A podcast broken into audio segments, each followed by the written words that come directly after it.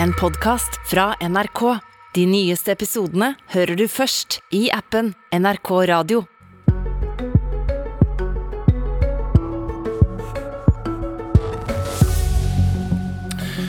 Kan vi se streikevestene i det fjerne allerede? For arbeidstakerne krever nå at lønningene stiger mer enn prisene etter et år med reell lønnsnedgang. Men hvordan skal det skje når prisstigningen, prisstigningen er skyhøy, og også treffer bedriften de jobber i? Velkommen til Politisk kvarter, hvor vi aller først skal starte med et annet norskskrevet rabalder. For på Soria Moria oppe i Holmenkollåsen her i Oslo sitter jo ledere fra Taliban, invitert av Norge. Frp-leder Sylvi Listhaug, det syns ikke du noe om. Og du vil gjerne vite om det på forhånd også. Hva er det som er så gærent med at vi har invitert Taliban? Det er jo en ekstrem eh, terrororganisasjon som har massevis av liv på samvittigheten. Både norske liv og ikke minst eh, afghanske liv, og også fra andre land. Det å invitere dem til Norge på et luksusopphold med privatfly, det er så umusikalsk at det er nesten vanskelig å ta inn over seg at eh, den norske regjeringa står bak noe sånt. Én ting er at man sier av 7 millioner kroner, Eh, men det som er det verste, er jo det at det nå, allerede fra talibansk side, er man ute og sier at man ser på dette som et skritt mot anerkjennelse. Dette er et regime som eh, undertrykker kvinner, som har tatt makta i Afghanistan, og som på toppen av det hele da, stille med personer i Norge som er internasjonalt ettersøkt for terror og der norske myndigheter heller ikke har satt et eneste krav om hvem som skal komme til landet.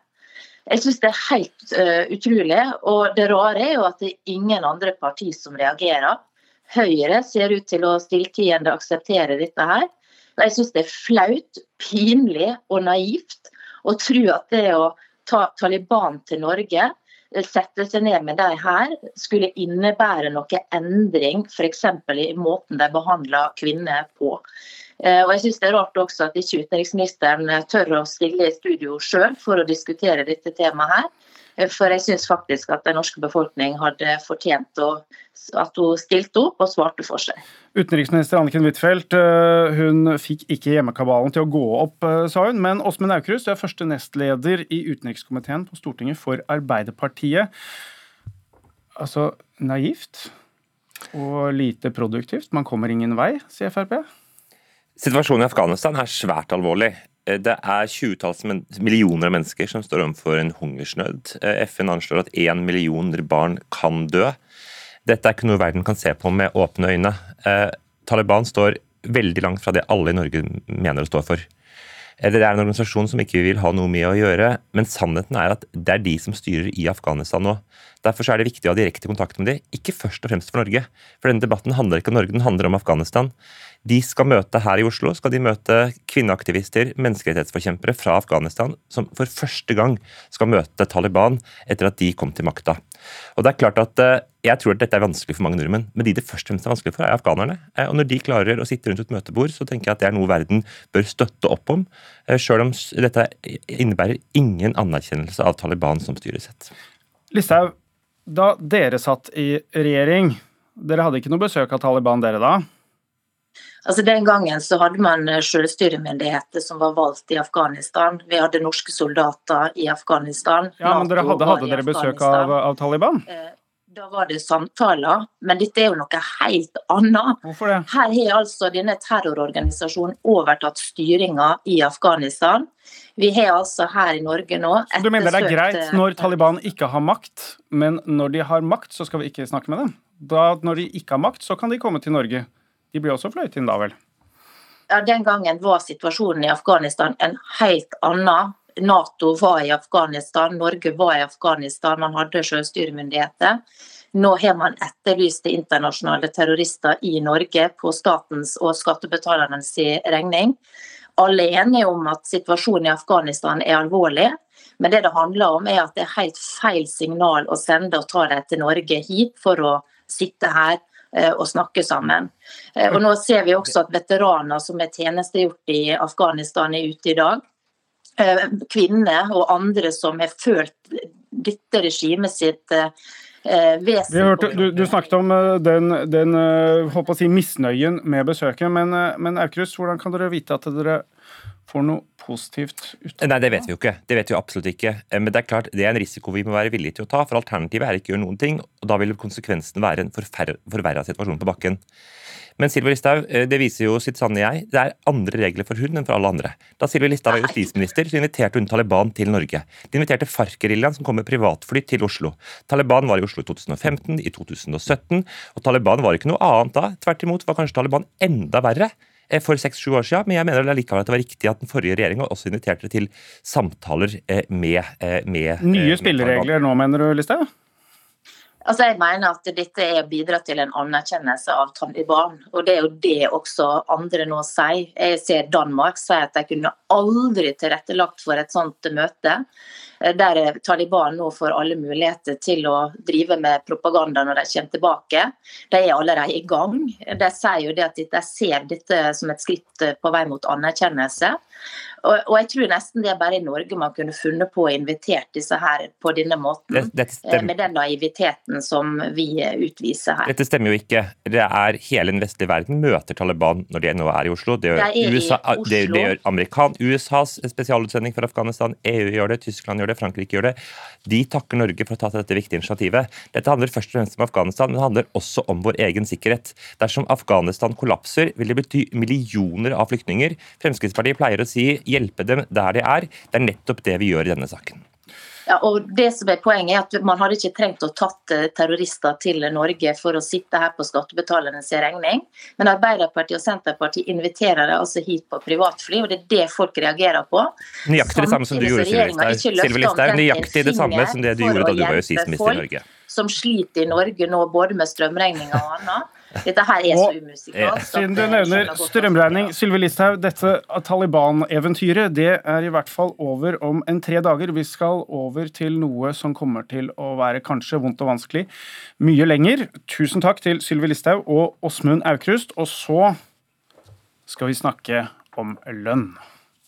Og eh, de rike, de har blitt rikere gjennom pandemien uten nødvendigvis kanskje å jobbe sånn kjempehardt for det. Men mange har jobbet hardt og faktisk fått mindre. I fjor økte prisene mer enn lønningene. Nå skal vi høre tillitsvalgt og industrirørlegger June Heggheim på Able i Haugesund. Hun krever at nå skal lønna opp.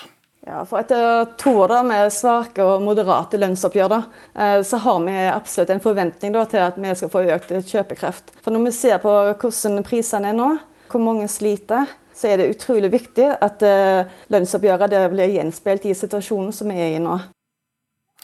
Jørn Eggum, leder i Fellesforbundet. Vi hører her et ganske tydelig lønnskrav. Dere er det store forbundet for ansatte i industrien og konkurranseutsatte bedrifter. Hva har du tenkt å gjøre med det kravet June Heggheim og de andre har?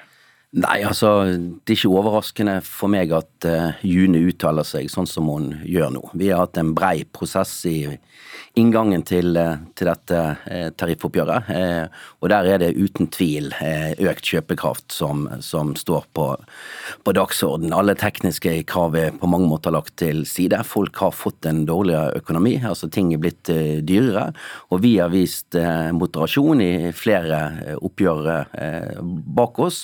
så nå er det kroner og øre det handler om i 2022. Og hva betyr det? Nei, Det er det litt for tidlig å si. sånn, eh, Vi skal liste oss fram mot uh, teknisk beregningsutvalg til de kommer med, med, hvordan situasjonen egentlig er. sant? At Da får vi fasiten fra, fra fjoråret. Det er, er 18. februar, så får vi da en statistikk over hvor mye priser og lønninger har økt, og på en måte det som vil være terskelen for å få reell, pris, nei, reell lønnsøkning. Og da vil dere kreve å få mer enn det prisene har økt. Det er riktig. Og så får vi se hvor mye mer når vi kommer så langt. For uh, i fjoråret, så tar det 2021, så la vi oss sånn noenlunde på det som var forventet eh, prisstigning, men det ser vi nå, det, det, står seg ikke. Det har vært en langt høyere prisutvikling enn det vi kunne eh, forutse da, bl.a. fordi at vi har kraftige høye strømregninger. Vi skal høre noen som faktisk må være med å bære det hvis dere skal få gjennomslag. Eh, sjefen i Defa, Bård Klungseth, han har 120 ansatte på fabrikken i Nesby, lager bl.a. ladekabler til elbiler. Han er redd for dette lønnsoppgjøret. Det vi vet, er jo at eh, arbeidstakerorganisasjonene gjerne vil ha en reallønnsvekst. Og en reallønnsvekst nå med den prisstigningen vi har hatt pga. bl.a. strømprisøkninger, gjør jo at vi da ikke bare eh, skal kompensere for den økte strømprisen som vi betaler, men vi skal også kompensere for husholdningenes økte strømpriser. Stein Lier Hansen, administrerende direktør i Norsk Industri, velkommen. Tusen takk. Når du hører det du hører her også, hvor vanskelig blir dette oppgjøret? Nei, Det blir et vanskelig oppgjør. Det er klart at eh, Med den pandemien vi har slitt med i to år, og nå den strømprisen vi har hatt eh, noen måneder, så er det klart at det fører til at eh, årets lønnsoppgjør kan bli veldig komplisert. Eh, og det er jo sånn at eh, Når kostnadsbildet øker for eh, de ansatte gjennom prisstigning etc., så er jo også en konsekvens at kostnadsbildet øker jo på samme måten for bedriftene. Så Vårt utgangspunkt blir jo å gjennomføre et lønnsoppgjør som iallfall ikke svekker, men helst styrker bedriftenes konkurranseevne. Ja, Hva betyr det i lønnspåslag, egentlig? Ja, det, Da vil jeg si som Jørn Eggum sier, nå får vi avvente TBU. For da får vi alle de viktige tallene og parametrene som på en måte avgjør det spørsmålet. Vi vet en god del. Vi vet at prisstigningen kanskje lander rundt 3,5% i fjor. Hvis vi ser måned mot måned enda høyere fordi det har vært veldig mye på slutten av året, vil det si at det å forvente seg et lønnspåslag i den størrelsesorden, det sier du, det kan man glemme? Altså, vi tar utgangspunkt i bedriftens konkurranseevne, og gjennom TBU så vil vi få innsikt i hvordan dette har utvikla seg i våre konkurrentland. Og Det er klart at det er vårt utgangspunkt. Eh, vårt utgangspunkt er ikke nødvendigvis at vi alltid skal korrigere sånn at eh, kjøpekrafta øker, men der er vi jo alltid uenige. sånn at den debatten vi har her er vel, eh, viser jo bare at det ikke er så langt fram til et lønnsoppgjør.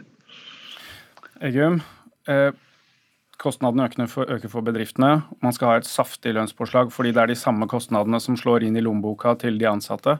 Hvordan går de i hop? Det går ganske greit i hop. Når vi ser eh, forskjellen mellom arbeid og kapital, den har eh, økt kraftig de siste årene til kapitalens eh, favør.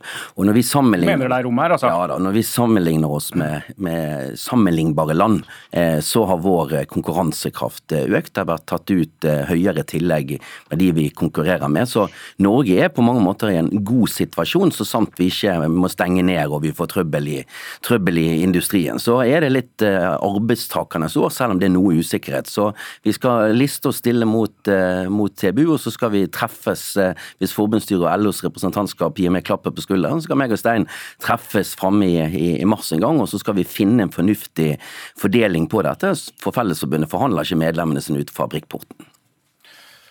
Ikke ut fabrikkporten, Stein Lier Hansen, men tror du det er en stor fare for streik i år? Nei, det, Jeg tror ikke det er noe større fare enn det det normalt er. Men, eh, litt, men det er jo veldig komplisert, det med strømprisene. Det, det innser jeg. Så jeg er jo helt enig i det Jørn ja, nei, det er klart at Hvis vi både skal kompensere for den generelle prisutviklinga og, og, sikre kjøpekraft, og samtidig også sikre kjøpekraft ved at du gjennom lønnsoppgjøret skal betale for høye strømpriser, så blir det en ekstra påslag som jo normalt ikke er, eh, er, er altså, som ikke er det vanlige i et lønnsoppgjør. Men uh, her håper jeg jo at også regjeringa kan bidra, sånn at folk får en kompensasjonsordning som gjør at ikke strømprisen i seg sjøl blir den store utfordringa i lønnsoppgjøret. Eggum, det har du stilt krav om òg? Ja, altså her er vi eh, helt eh, enige. Vi ønsker et næringsliv som har gode eh, rammevilkår. Og vi ønsker at våre medlemmer eller de ansatte arbeidstakerne i Norge ikke skal bruke en fjerdedel av lønnen sin på, på, strømkostnader som man kan styre politisk. Så her har vi, har vi et felles, felles engasjement for at myndighetene her skal bidra mer enn de gjør i dag. Nå må jeg spørre deg om en ting, for du sier dere skal, Man skal liste seg litt fram mot TBU, men vi har en del eh, representanter for offentlig ansatte som har vært ganske tydelige. De skal ha en kraftig lønnsvekst.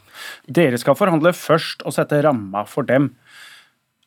Hvis de, dere ikke kan gi så mye, er det helt umulig at sykepleiere, helsefagarbeidere kan få mer tillegg enn dine medlemmer i år? Ja, altså, Det har tjent oss godt at vi har frontfagsmodell. frontfagsmodellen. Er ikke så raus, altså?